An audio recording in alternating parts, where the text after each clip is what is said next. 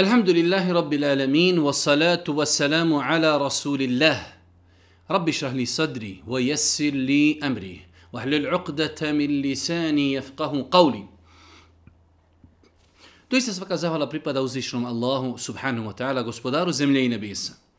Salavat mir i selam na Allahu poslanika, Allahu binenika Muhammeda, alaihi salatu wasalam, njegovu časnu porodicu, uzorite ashabe i sve ljude koji slijede put istine do sudnjega dana. Uvažna braćo i poštovani sestre, uvažni gledatelji, evo nas u još jednoj emisiji u kojoj se družimo sa vašim dilemama i vašim pitanjima. Ovo je naša 55. emisija u kojoj odgovaramo na vaša pitanja. E, ponavljamo po koznako i put zbog onih E, koji imaju nedoumice, doista je mnogo e-mailova koji stižu na našu adresu, e, ne možemo ni brojčano stići odgovoriti na sva pitanja, a isto tako e, velik broj pitanja, ako ne, možda i preko 50% pitanja su pitanja na koja mi ne možemo odgovoriti zbog određenih e, različitih faktora e, zbog kojih čovjek ne može dati e, odgovor na takva pitanja. Tako da tražimo unaprijed halala od svih onih kojima ne odgovorimo na njihova pitanja. E, prvo pitanje, pošto se bliži e, sezona klanja kurbana, dosta, dosta pitanja stiže e, na kalup da li čovjek može iz neke zemlje tipa francuske, njemačke, engleske, gdje nema mogućnost da zakolje kurban, da li je validan njegov kurban ako se njegov kurban zakolje izvan zemlje gdje on živi Da li će to biti Bosna, da li će to biti Srbija, da li će to biti Makedonija, da li će to biti Albanija ili čak da pošalje da se njegov kurban zakolje u nekim zemljama Afrike i tako dalje. Generalno gledajući, e, ono je najljepše i najbolje da čovjek svojom rukom zakolje kurban u mjestu gdje on živi. To je nešto najljepše i najbolje. Ali isto tako mi moramo znati da postoje stotine hiljada muslimana koji žive u velikim gradovima, u Parizu, u Londonu, u Njujorku i tako dalje, gdje ljudi jednostavno nemaju mogućnost vidjeti živu životinju, ovcu ili kravu, a kamoli da zakolju kurban. Šta je rješenje za takve ljude? Rješenje za takve ljude jeste ili da u svojim matičnim zemljama zaduže nekoga, da li od rodbine, da li od prijatelja, od poznanika, da neko u njihovo ime zakolje za njih kurban, a isto tako nema smetnje e, da se uh, povjerljivim organizacijama, povjerljivim organizacijama e, povjeri taj emanet ako znamo Ovo je veoma bitno da te organizacije će uraditi ono što im islam nalaži, da će kurban biti ispravan i da će se zaklati u ispravnu vremenu. Nažalost, u nekim situacijama, ja lično znam situacije, Kada neke organizacije zbog mnošta kurbana koji dolazi kod njih, jednostavno počnu se klati kurbani dan ili dva ranije kako bi se to sve uspjelo zaklati, što je neispravno. Znači, kurban treba da bude zaklan nakon klanjanja bajrama i naredna četiri dana, znači zalaskom sunca četvrtog dana, više nije validno klanje kurbana. Tako da, znači, ljudi koji žive u velikim gradovima nemaju mogućnost da oni lično zakolju kurban, mogu E, opunomoćiti nekoga od rodbini, od prijatelja, od poznanika, da u njihovom rodnom kraju ili u nekom drugom gradu da zakolje kurban na njihovo ime, ili čak da to uradi putem određenih organizacija, ali je uvjet da te organizacije budu povjedljive i da znaju šerijatske propise, tako da kurban bude validan, da ga zapkolje osoba koja klanja koja je musliman i isto tako da to meso bude podijeljeno na ispravan način. Ako imamo takvih organizacija, bez obzira što ćemo mi možda poslati da se naš kurban zakolje i u Africi,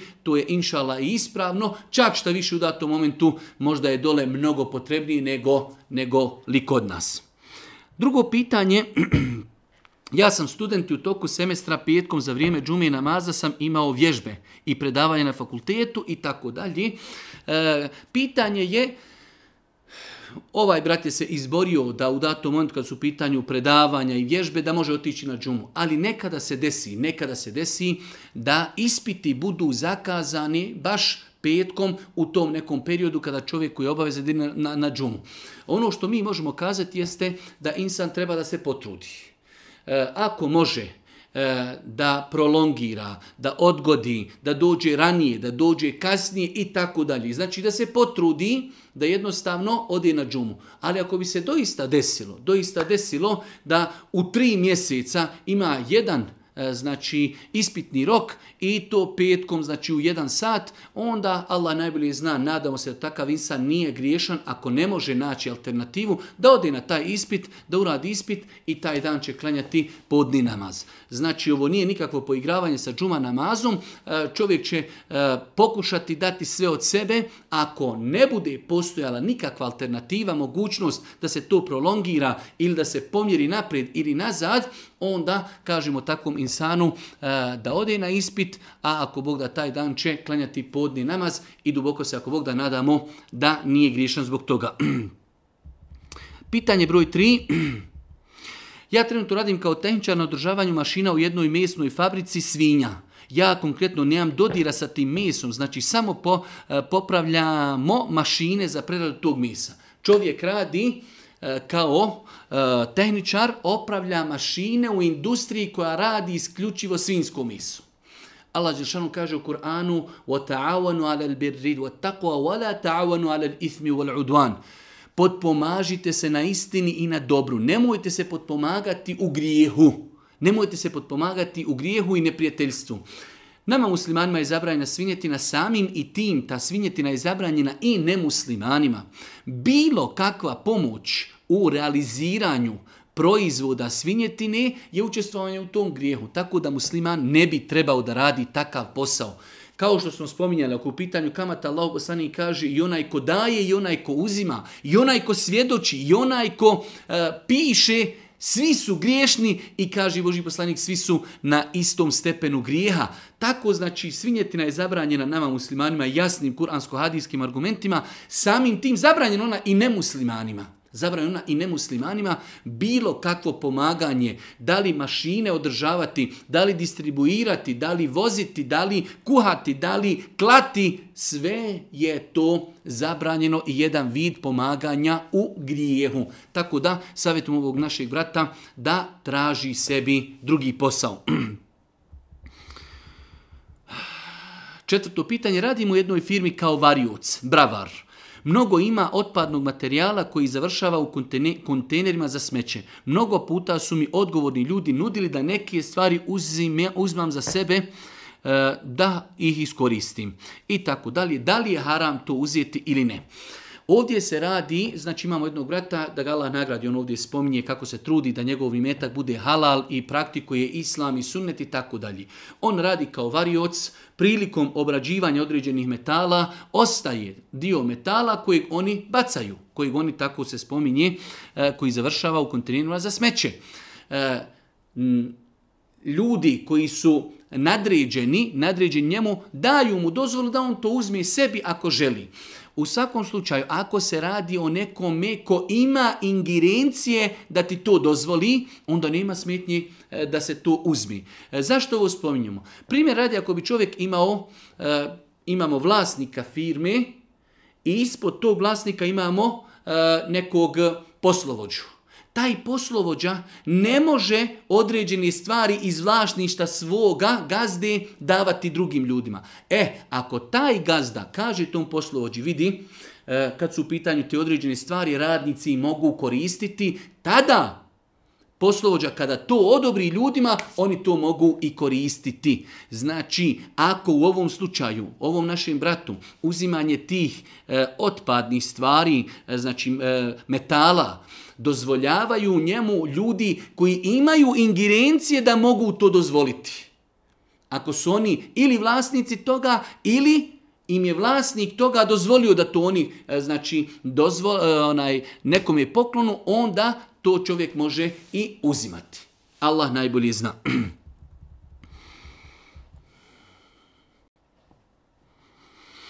E, pitanje, malo duže pitanje, jedna naša sestra u svakom slučaju kaže ja sam samohrana majka, imam dvoje djeci, e, muž mi umro prije dvije godine i tako dalje. Prije su klali kurban, sada je u financijskoj situaciji malo težo i ne može klati kurban, ali e, o kome se Dajđa, Dajđa je kupio za nju kurban, odnosno platio kaparu, a ona ne može da isfinansira taj kurban, pa je pitanje je li grije da odustani od toga što je taj Dajđa dao kaparu. Nije inšala grije, zato što ona jednostavno nema mogućnosti da kolje te godine kurban, tako da nadamo se inšala da na jedan lijep način taj Dajđa koji je ili će uzeti nekome drugome taj kurban, ili će zamoliti tog čovjeka jednostavno da taj kupoprodajni ugovor poništi. Znači, osoba jednostavno nema mogućnost za zakolje kurban, ali e, Dajđa je želio da im pomogni, pa je znači odabrao kurban, platio za njih neku kaparu, nakon toga se ispostavilo da oni te godine nemaju mogućnost da kolju kurban. Šta ćemo tako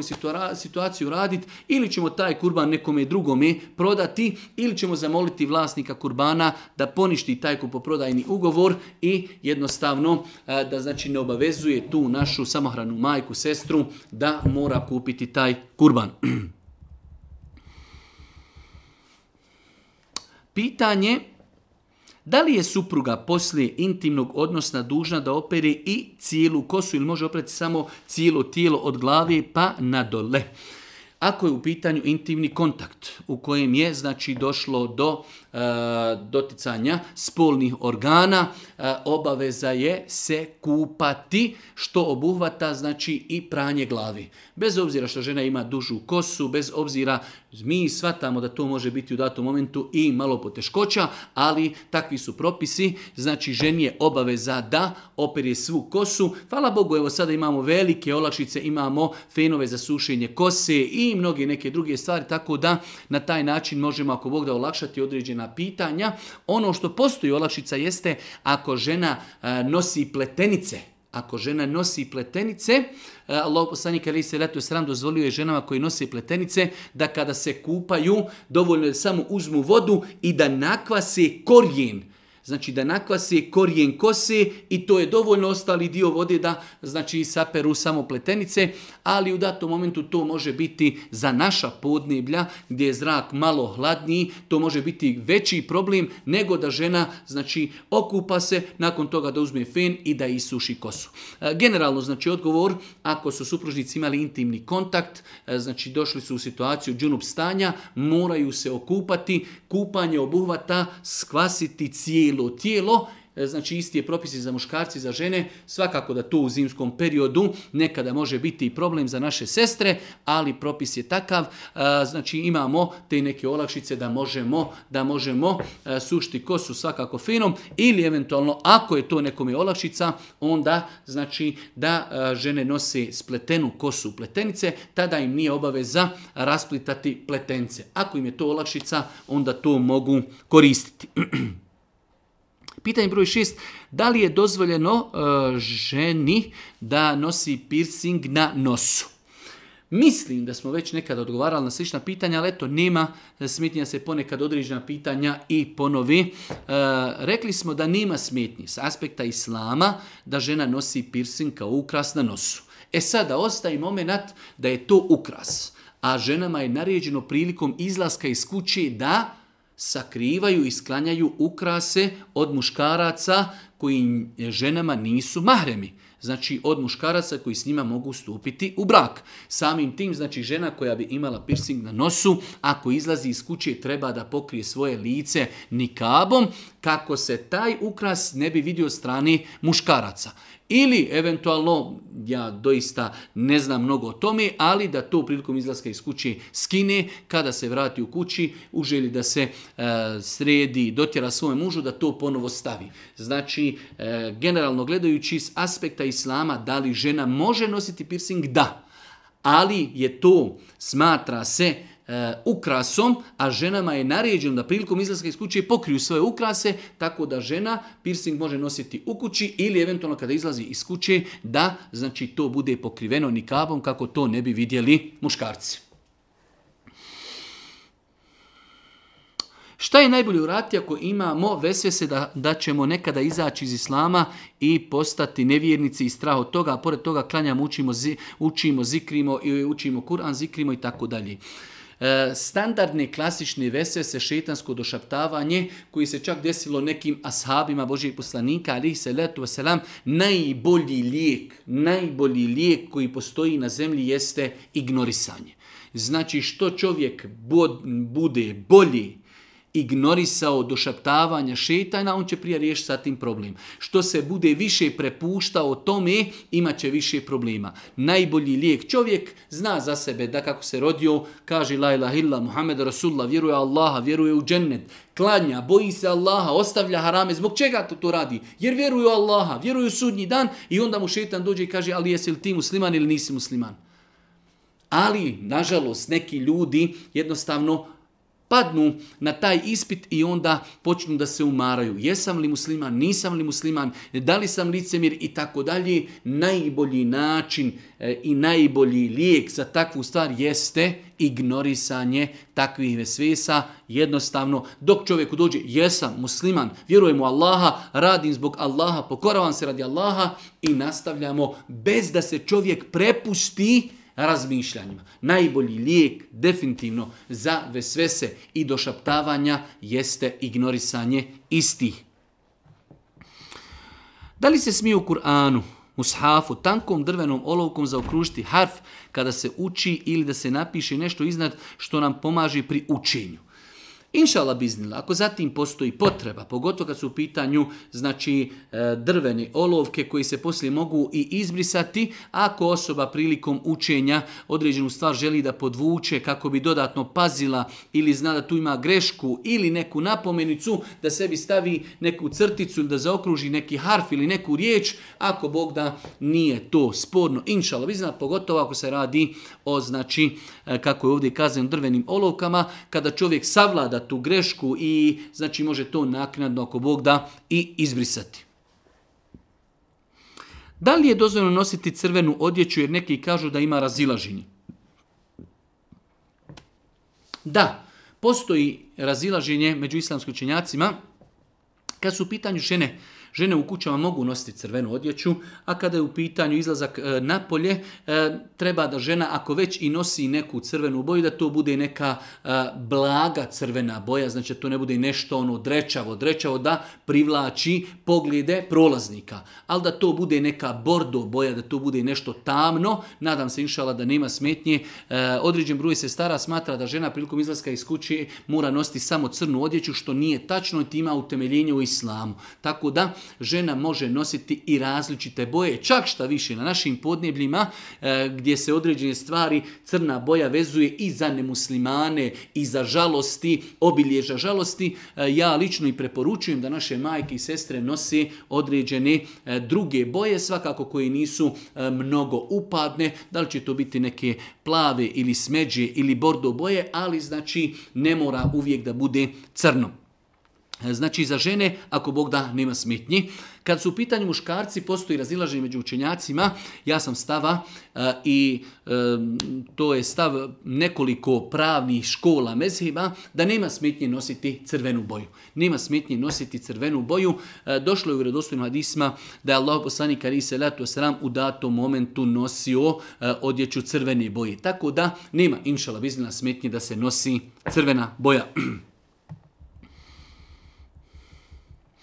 Možemo li abdest uzeti, na primjer, e, u potkošilji, u haljini, u šorcu, ili moramo biti odjeveni, e, znači onako kako treba da budemo odjeveni za namaz, e, da u takvom stanju uzmemo abdest. Nije obavez. Znači osoba koja želi da uzme abdest, može uzeti abdest čak da na tijelu nema ništa od odjeći. Znači insan da je potpuno nag da uzme abdest, njegov abdest je validan. Svakako, prilikom oblačenja odjeće čovjek treba da pazi da ne dotakne spolni organ, tada je izgubio abdest. Ali abdest ko abdest nima nikakve veze sa čovjekom odjećom ili ne. Znači čovjek može abdestiti ako je obukao šorc, može, obući, može abdestiti da ima trenerku, da nosi potkošulju. Znači validnost abdesta nema nikakve veze sa onim što čovjek oblači ili čovjek može pod abdestom da skine odjeću, da se presvuče, da obuče drugu odjeću, u svemu tome je najbitnije da znači pazi na stvari koje kvare abdest. Jedna od najlakših stvari koje se mogu desiti prilikom oblačenja odjeće jeste doticanje spolnog organa,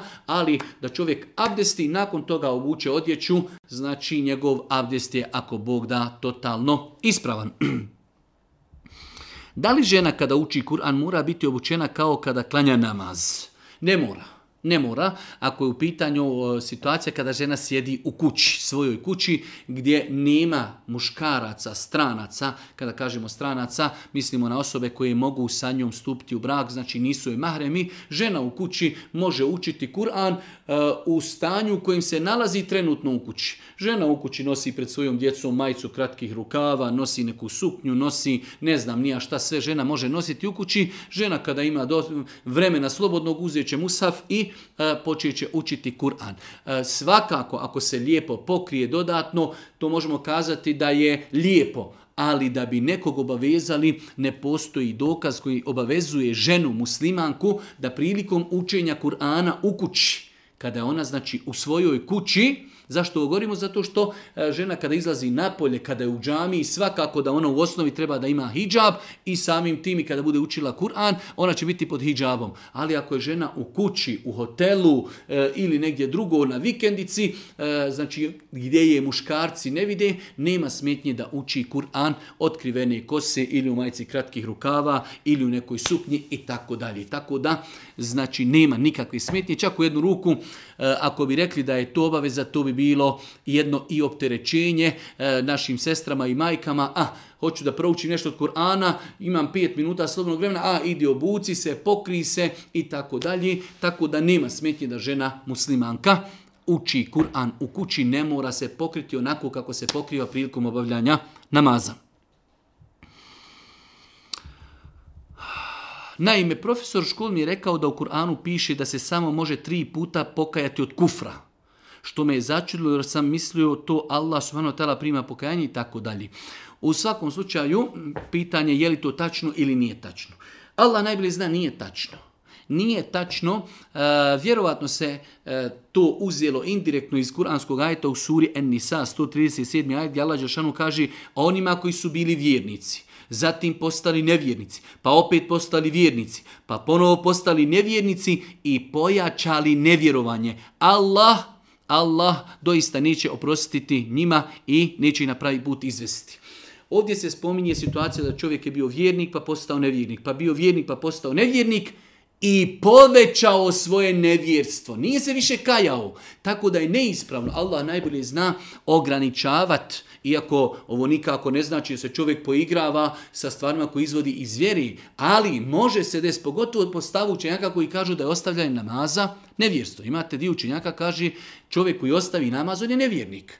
Pa čovjek par dana klanja, pa nekad ne klanja. Po takvim učinjacima je ne musliman. Ali opet kad počne klanjati, on je opet musliman. Tako da ograničiti čovjekovo, e, znači, e, teubu i pokajanje na tri puta ne postoji dokaz. Svakako se ne treba igrati sa tim. Čovjek, ne daj Bože, može da preseli u stanju e, otpadništva i nevjerstva i da izgubi e, vječnost. Ali, ako bi se desilo da čovjek uradi grijeh koji ga izvodi iz vjere, pa se pokaje. Pa ga opet šetan savlada, pa se on opet pokaje. Pa ga opet šetan savlada, pa se opet pokaje. Da li da kažemo nakon tri pokajanja nema više pokajanja? Ne. Nije tačno. Znači, općenito hadisi i kuranski ajeti koji govori o teubi su općenito karaktera.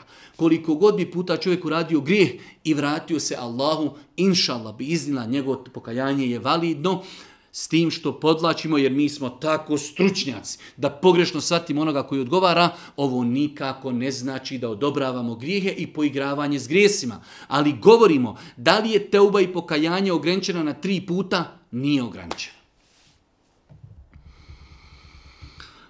Upravo odgleda vaš snimak u kojem je e, objašnjeno da se i prije surje uči bismillah. Svakako ću to od sada primjenjivati u nazu, ali sada imam veliki strah da godine namaza u kojima to nisam prakticirao, da li je moj namaz validan ili ne. Znači, nedavno smo e, odgovorili na pitanje da čovjek kada uči fatihu, nakon fatihe, da li će učiti bismillu ili ne. Pa smo kazali da ako uči neku suru iz početka, čovjek pručio fatihu, želi poslije nje učiti kulhu vallah, treba da kaže Bismillahirrahmanirrahim, kol huva Allahu ahad Allahu samed. To je znači propisano i lijepo. Ali čovjek kaže ja to nisam prakticirao, da li su moji namazi prethodni ispravni? Da, da. Prvo, zato što je čovjek radio to iz neznanja. Drugo, što učenje te bismile nije vađib, nije rukn, već je pohvalna i lijepa stvar. Tako da insan koji kada klanja, kada hoće učiti fatihu, učit će uzu, bismilu, pa fatihu. Nakon toga, ako uči suru koja je iz početka suri, uči bismilu. Ako će učiti samo neki ajet, kao što je ajetul kursi ili zadnja dva ajeta bekari, neće učiti bismilu, već će samo učiti euzu billahi mine šeitanir rađim, Allahu la ilaha illa huwa al-hayyul qayyum la ta'khudhuhu sinatun wala nawm i tako dalje. Znači kada učimo suru ispočetka učimo učimo bismillu. Onaj ko to nije prakticirao, njegovi namazi su inšala validni jer je to radio iz neznanja. S druge strane, e, učenje bismile nakon fatihi je pohvalna stvar, nije na tom stepenu da bi čovjekov namaz dovela u pitanje. Esselamu alaikum, ako mogu da vas pitam da detaljno objasnite po pitanju udaju u islamu, a misli se na krađu mladi. I tako malo poslije detaljisanje, e, više puta smo spominjali da je ispravno mišljenje džumhura islamske učenjaka, većine koji su kazali da je saglasnost staratelja, djevojke, uvjet validnosti braka. Saglasnost staratelja, mlade djevojke koja se udaje uvjete validnosti braka. Allahu poslani kaže u vjerodostom hadisu la nikaha illa bi wali nije validan, niti je isprav, niti ima braka osim sa saglasnosti staratelja. Tako da ono što je poznato u našem narodu ukrala se mlada, to je neispravno, haram. Znači osoba koja želi da se ženi treba, ako je već upoznao djevojku, ona se njemu svidjela, on se njoj svidio, znači uz njenu saglasnost djevojčinu treba nam saglasnost staratelja da ode kod njenog roditelja, ako ima oca, ako ne ima, ima li brata ili ima li e, djeda ili ima li amiđu, ali neko s muške strane staratelj da kaže ja želim da ženim tu djevojku, vašu e, znači štićenicu, tražim od vas saglasnost da se s njima upozna i tako dalje i da traži dozvolu. Tako da, znači, saglasnost staratelja je uvjet validnosti braka, krađa, po znanju znacima, tako se to zove kod nas, ukrala se djevojka, je opasna praksa koju treba maksimalno izbjegavati i na nju upozoravati. Imam jedan problem koji prolazim već dugo vremena. Borim se dug period sa sobom da sam sebi dokažem da je Allah istina i da je Islam istina. Iako imam mnoge dokaze, ja i dalje ne mogu da ostanem miran. Klanjam, učim zikr, dovim i tako dalje. Opet standardni klasični problemi ve svesa i došaptavanja. Čovjek klanja, pa što klanjaš? osim što vjeruješ u Boga, osim što čekuješ nagradu, osim što se bojiš sudnjeg dana, osim što se bojiš grijeha ostavljanja namaza. Zašto čovjek uči Kur'an? Radi Allaha, radi se vapa, zato što vjeruje da je to Allahov govor. I onda dođe šeitan i kaže, treba ti dokaz da je Allah istina, treba ti dokaz da je Kur'an istina. To je klasično došaptavanje šeitanovo kojim želi da insanu oteža dunjalučki život rješenje, rekli smo ponovo, ignorisanje takvih stvari. Vjerujem u Allaha, vjerujem u sudnji dan, vjerujem u Kur'an, živim, praktikujem i to je to. Najbolji način jeste ignorisanje.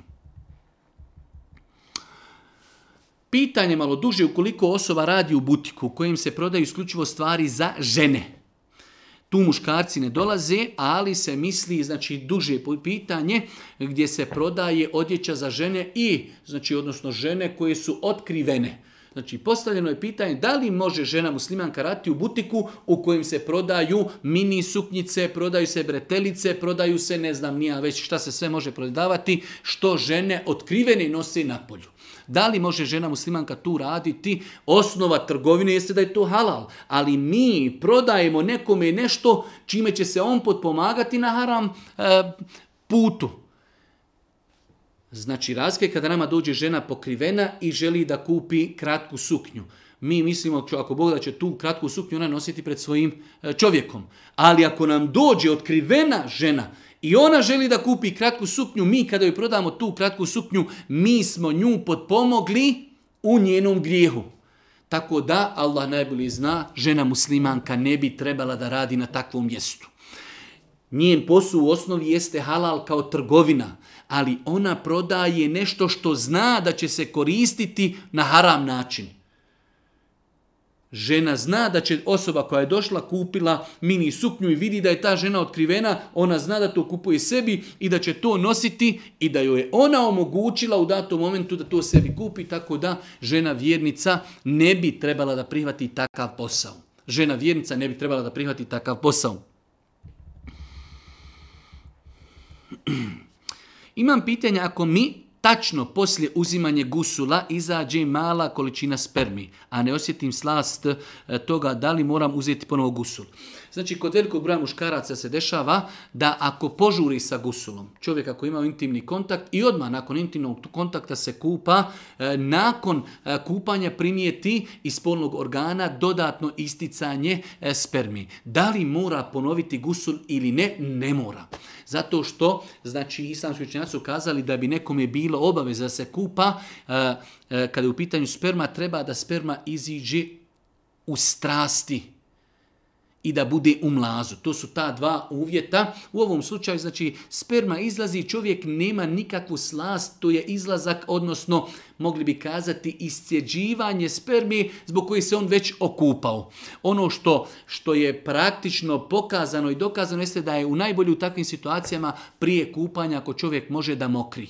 Kako bi se, hajde da kažemo, ti kanali očistili, pročistili od spermi nakon toga kada se čovjek okupa, neće sigurno imati nikakvih problema kada je u pitanju dodatno isticanje spermi. Ali ako bi se desilo da je čovjek imao intimni kontakt, okupao se i nakon toga uh, vidi dodatno isticanje spermije, zbog tog isticanja spermije ne treba ponavljati gusul. Ali to mu je pokvarilo abdest. Znači, sačekat će dok prestane isticanje spermije i nakon toga će uzeti abdest i klanjati namaz. Znači, E, osoba koja je imala intimni kontakt i odmah nakon toga se okupala, u velikom broju slučajeva, ako nakon, e, znači prije kupanja, ako nije mokrila, imaće, e, znači nakon kupanja, isticanje spermije, zbog toga se ne mora ponovo kupati. Ali isticanje spermije je bilo razlogom da je izgubio abdest. Nadam se, Išal, da je odgovor jasan. Moj sin, tako i tako, ima pet godina, u nedjelju ako Bog da ima svoje prve hatme. Međutim, ja tada imam e, mjesečnicu menstruaciju, da li smijem ući u džamiju poslije ikindije i slušati, pristupati hatmama svoga djeteta i vlada? Rekli smo u već nekoliko odgovora da ako postoji potreba da žena u mjesečnici uđe u džamiju, e, da li zbog predavanja, da li zbog vjenčanja, da li zbog hatmi, nema inšala ništa sporno jer ne postoje uh, jasni i vjerodostojni argumenti. Znači mora biti argument jasan i vjerodostojan, da bi na osnovu njega nešto zabranili. Ne postoje jasni i vjerodostojni argumenti koji zabranjuju ženi u mjesečnici da uđe u džamiju. E, pogotovo, pogotovo ako postoji potreba. Svakako žena koja, e, to svaka musliman kako Bog da zna, e, prilikom ulaska u džamiju treba da, prije nego što ode, da se zaštiti higijenskim ulošcima, kako ne daj Bože ne bi prilikom sjedenja, znači kako ne bi uprljala krvlju čilim ili mjesto gdje sjedi i tako dalje. Tako da žena koja ima potrebu u toku mjesečnici da uđe u džamiju, ona će se lijepo zaštititi higijenskim ulošcima i ako Bog da, ako ima potrebu ući u džamiju, da li zbog predstavljena, predavanja, da li zbog vjenčanja, da li zbog, znači, evo, hatmi ili nečega sličnog, e, e, nema, ako Bog da, grijeha što će to uraditi. da li je dozvoljno krati kurban ili uplatiti, a da čovjek ima dug prema nekomi? Da li je ispravan kurban osobe koja kolje kurban, a nekom je dužna neki novac? Kurban kao kurban je validan, ali insanu nije obaveza prioritetnije je da insan vrati dugove. Ali ako čovjek zna da, šta ja znam, dužan je čovjeku hiljadu maraka, ali treba da mu vrati tek za 3-4 mjeseca, a sada dolazi kurban i on želi da zakolje kurban, imati neki 200-300 maraka ili eura da zakolje kurban, njegov kurban je validan, ali mu nije bila obaveza. On je mogao te pare da vrati tom čovjeku i kaže, e, ovo je dio mog duga i nije obaveza da kolje kurban. Znači, osoba koja je nekom već dužna, novac, ima pravo da taj novac vrati i ne mora klat kurban. Ali ako zakolje kurban, njegov kurban je ako Bog da ispravan i validan. Isto je pitanje i sa odlaskom na hađ. Insan koji e, ima e, dugove, a želi da ide na hađ. Njega islam ne obavezuje, jer osoba kojoj je obavez ide na, na hađ jeste osoba koja ima iznad svojih mogućnosti i potreba višak novca da može otići na hađ. Čovjek ima dug, prioritetnije da vrati svoj dug. Ali ako on zna da mu još termin za dug nije istekao, on zna možda zarađuje ili ima firmu, da će stići ako Bog da vratiti dug, ali želi da ide na hađ, njegov hađ ako Bog da validan, ali mu nije bila obaveza da ide. Ali ako ode, ako Bog da njegov hađ je validan, ispravan, a ostaje znači nakon toga da vrati svoj dug. Već sedam mjeseci kako sam suprugom i vjenčao i tako. Međutim, ona je prije par dana naišla na video Šeha Kudzovića gdje je pričao da žena ne smije uzeti muževo prezime i tako dalje. Uglavnom, jedan bračni par uzeli su se, vjenčali se i žena je uz svoje prezime uzela i muževo prezime. Nakon toga su čuli propis od Šeha Safeta da je to neispravno. Sada su oni došli u jednu veliku dilemu šta da urade, mora li on nju razvesti pa se ponovo vjenčati vjenčanjem u kojem ona neće uzimati to njegovo prezime što je daleko od, što bi rekli, e, potrebe i od istine. Znači u ovom slučaju maksimalno što možemo ženi kazati ako nije teško. Jer doista neke osobe koji nekada određene papire urade i odu u inostranstvu, u Ameriku, u Evropu, e, e, vađenje novih papira, nove lični, novog pasoša, novog e, rodnog lista je izuzetno teška situacija, tada kažemo dovoljno se insan, ta žena pokaje što je to uradila. I završena stvar.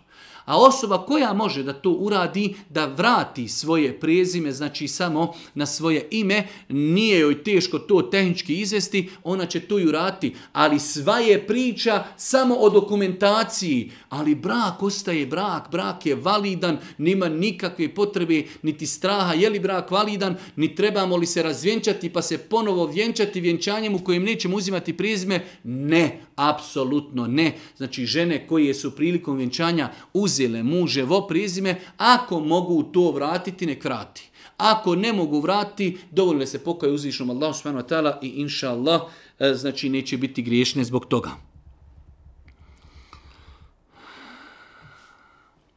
Jedno malo duže pitanje, jedan naš brat kaže student, student sam, absolvent na jednom fakultetu u Sarajevu, u posljednje vrijeme zaista na svojoj koži osjetim dosta nepravde. Živim u ruralnoj sredini, Znate kako je to malo mjesto. Ne želim ni od koga da glavu okrećim ili da se ne javljam, ali to sve češće postaje slučaj. Osjetim dosta zavisti upućene prema meni i tako dalje. A s druge strane, pogledajte, čovjek je evo, u datom momentu, možda u nekom momentu uspješan, živi u maloj sredini, pa ima osjećaj kao da mu ljudi zavide, a poslije onda citira hadis, a Allah Đelešanu kada zavoli svoga roba, učini da ga ljudi vole, znači, pa se on sad našao tu malu neubranom grožu, ljudi malo zavide, a Boži poslanik kaže kada Allah zavoli nekog svoga roba, da da ga ljudi vole, pa on sad kao da li mene Allah voli ili ne voli i tako dalje. Mislim u osnovi da se ne treba opterećavati time da je nama neko nešto zavidan. Kako to mi znamo da je nama neko nešto zavidan? Nima potrebe se opterećujemo tim stvarima. Živimo normalnim životom, e, selajemo se s ljudima, razgovaramo, kome možemo pomoći, pomognemo, nećemo mu odmagati, nećemo ga vrijeđati. E, da li neko ima zavis prema nama ili ne, to je stvar koju je veoma teško uh, E, da kažemo potrefiti, pogoditi, ka, e ovaj mi je čovjek zavidan. Kako da znamo da je zavidan? Tako da najbolje da se insan ne opterećuje tim stvarima.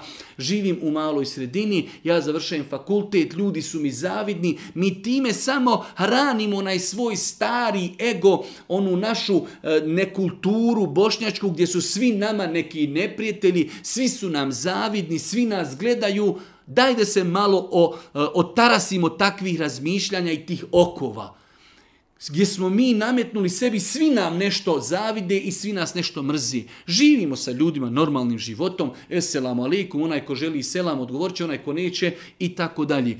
Pomažimo, ponašamo se normalno. A taj moment Allah Đeršanu, da li je zavolio nekoga i nije zavolio nekoga, da li ga ljudi voli ili ne, ne treba to uzimati, e, veoma je teško.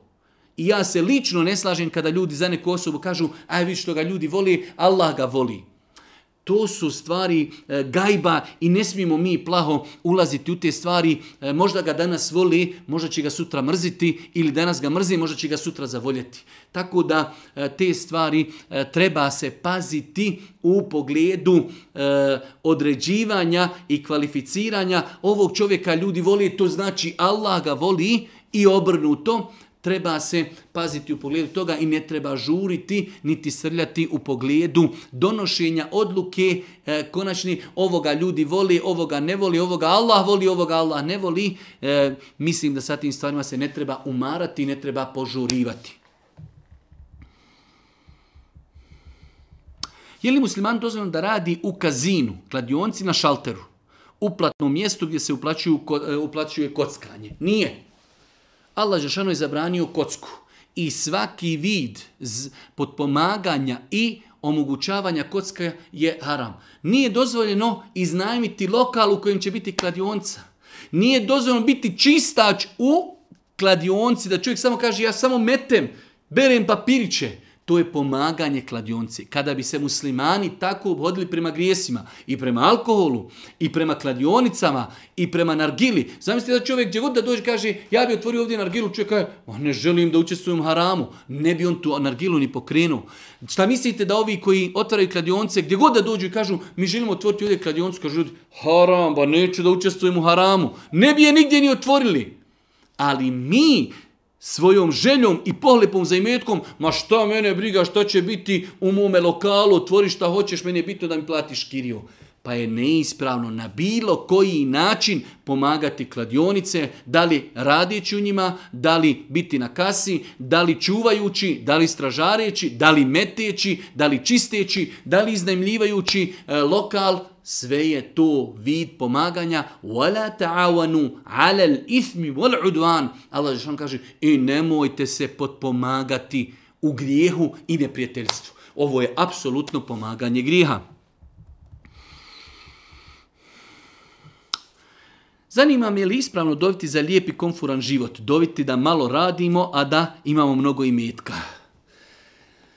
Dozvoljno je čovjeku da moli i da mu Allah Đelešanu podari na fakuhu. Ali ono što je najbitnije u životu jeste da čovjek dovi Allahu da mu podari ono što je dobro za njega. Nije za svakog čovjeka dobro da ima i metak.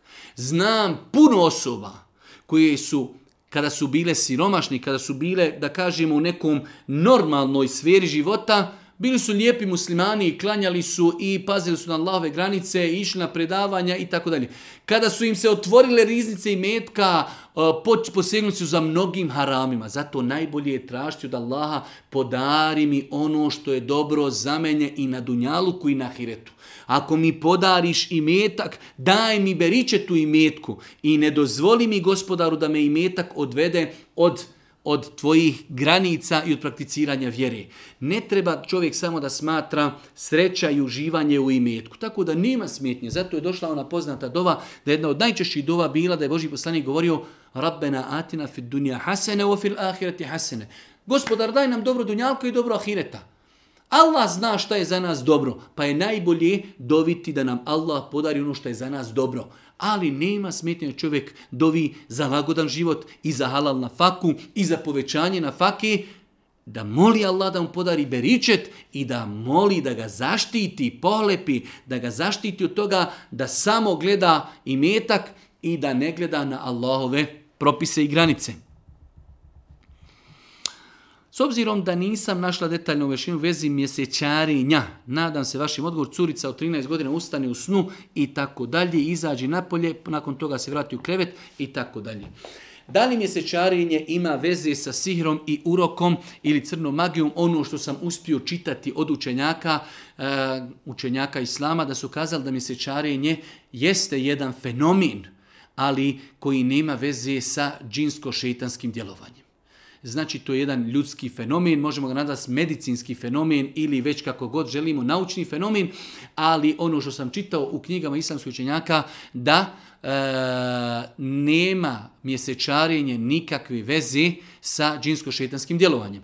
Nema smetnje da insan koji ima problema sa mjesečarenjem i ode na rukju, Ali generalno gledajući kao pojava, da li mjesečarinje znači ako je osoba mjesečari i hoda u snu da je bolesna, da ima probleme sa džinima i šitinima, ne. To je više medicinski slučaj. Više medicinski slučaj, iako su kazali učenjaci e, islama koji su govorili o ovim pitanjima, da osobe, e, mnogo je to e, prisutnije kod djece u ranoj mladosti, dok kako insan pod navnim znacima stari, to lagano i, i iščezne i to je primjetno. Veoma je rijetko naći osobu koja je starija, a da ima problema sa mjesečarijem. To je jedna stvar. Druga stvar, ovdje se spominje čak i neka bojaz da osoba e, neće u datom momentu E, nanijeti sebi neku povredu, pasti sa balkona, kažu ist, opet islamski učenjaci govoreći o ovom pitanju da su veoma rijetki slučajevi kada osoba koja mi je sečari e, nanese sebi neku, ne, e, da kažemo, nezgodu ili da padne i tako dalje. Veoma rijetko, a nećemo reći da nema nikako, ali skoro da nema takvi slučajeve. Tako da, insan tu treba prihvatiti kao činično stanje, šta može poduzeti. Ako treba otići doktorima, da, otići na rukiju, da, ali ako Bog da, to će proći. E, koliko možemo, da kažemo, zaključati vrata ili ne znam nešto što možemo poduzeti, od sebe poduzeti i uzeti da je to jedan vid iskušenja, ako Bog da, to će proći. Da li se gasuli osoba koja pogine u savršenu nesreći gdje ostane smrskana i polomljena od posljedica udara? Znači, pitanje je da kada se desi saobraćana nesreća i određeni dijelovi tijela budu polomljeni, da li takvo tijelo treba gasoliti? Da. Generalno je pravilo da.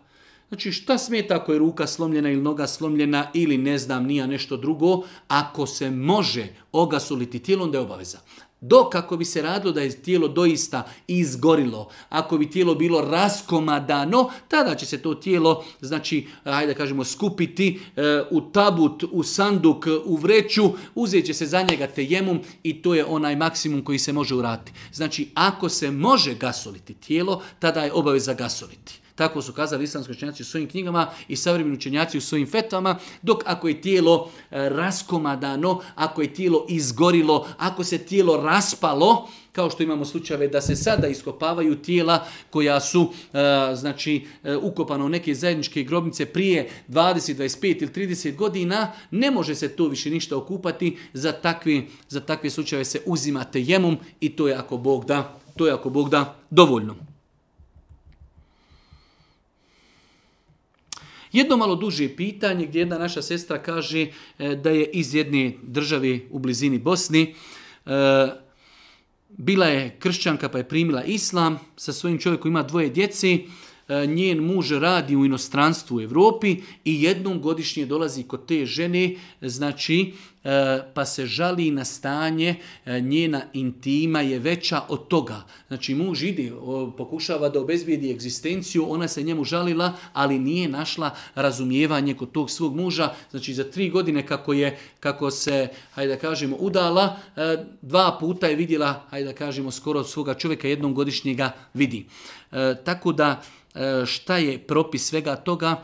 E, Omar radijallahu ta'ala ograničio je, ograničio je vremenske uvjete za ljude koji su tada bili išli u borbu, išli u džihad ili tako dalje, da maksimalno četiri mjeseca budu odsutni od svoje kući. I to je neka, da nazovemo, moralna najveća granica koliko bi muž trebao da e, odsustuje svoje kući. Svakako, ovo je pravilo. Može se desiti u saglasnost e, znači, supruge da nekada čovjek otputuje i šest mjeseci, i osam mjeseci, pa i godinu, ali u saglasnost uz dogovor, uz dijalog. Ali da supruga kaže, ja imam potrebu, bojim se ću raditi grijeh e, i tako dalje, tada je obaveza, kao što kažu islamski učenjaci, muž kada se oženi od obaveza koji preuzeo na sebe jeste i da će ispunjavati intimne seksualne potrebe svoje supruge. Kao što mu je obaveza da obezbedi hranu, da je obezbedi piće, isto tako u granicama svoje, tako su kazali učenjaci Ibn Taymi i drugi, u granicama svoje mogućnosti i njene potrebe. Veoma je bitno, znači, balans muž koliko ima mogućnosti i žena koliko ima potrebe da jedno drugom ispune potrebe seksualne, potrebe intimi. Pogledajte koliko islam je savršen, jer ako taj muž zakaže u pogledu te svoje supruge, možda će, ne daj Bože, učiniti blud, možda će se odati samozadovoljavanju, možda će prestati klanjati, možda će e, zamrziti čovjeka, možda će biti e, e, ljuta i tući svoju djecu i tako dalje. Tako da, e, znači, jedno od prava žene u braku jeste da joj muž ispuni njene seksualne intimne potrebe. Svakako da tu treba postojati malo respekta i e, da kažemo uvažavanja. Može se nekada desiti da muž mora otići na putovanje i već je u četiri mjeseca. Ali mora biti dijalog, mora biti tolerancija, ali u normalnim uvjetima, znači maksimum je četiri mjeseca, a i mimo četiri mjeseca, shodno ženinim potrebama, shodno mogućnosti čovjeka, treba ispuniti jedno drugom intimne potrebe.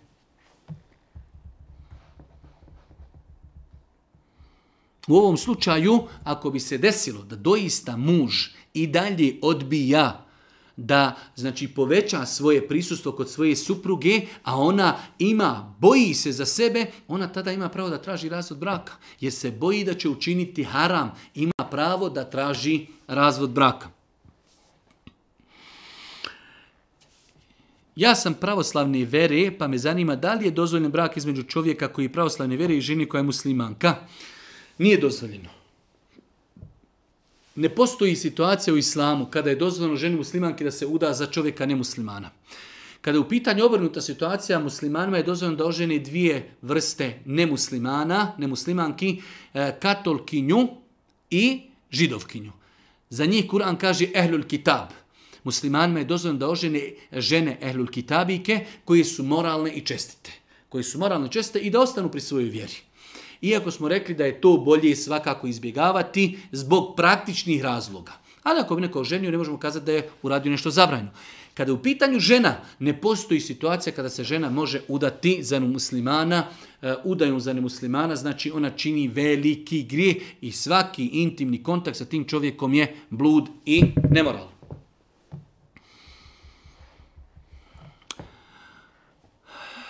Pitanje koje vam postavila jeste da li je po islamu dozvoljeno uzimati novac od rotelja iako sam udana. Živim sa čovjekom, međutim rotelj mi često šalju i donese pare, ne dozvoljavaju da odbijem, ali ja osjetim stid, oni rade teške poslove kako bi taj novac zaradili, tako dalje. Pitanje je da li je ženi koja je udata dozvoljeno da od svojih rotelja uzme poklon i hediju koju oni šalju dobrovoljno, iako oni taj novac stiču na težak način, svakako da je dozvoljeno. Allahu poslanik je dozvolio da se uzmeju hedije, pogotovo e, pokloni e, koje čovjek ne traži.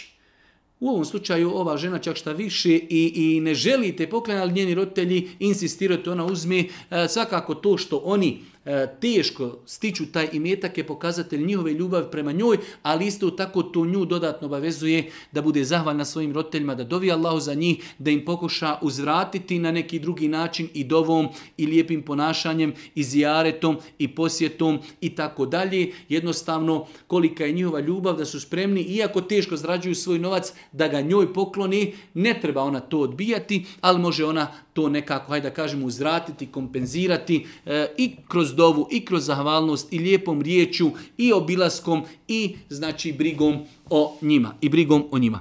E, to a nije, imamo još, mislio sam da je kraj, imamo još dva pitanja.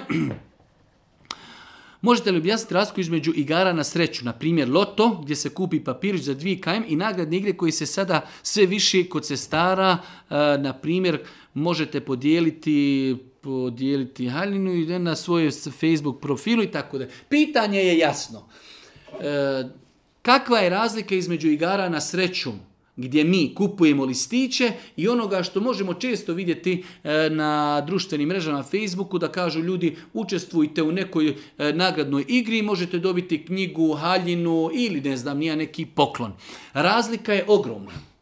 E, s jedne strane igre na sreću e, gdje se uplaćuje, pa ti imaš situaciju da dobiješ ili da ne dobiješ, to je ono što je haram.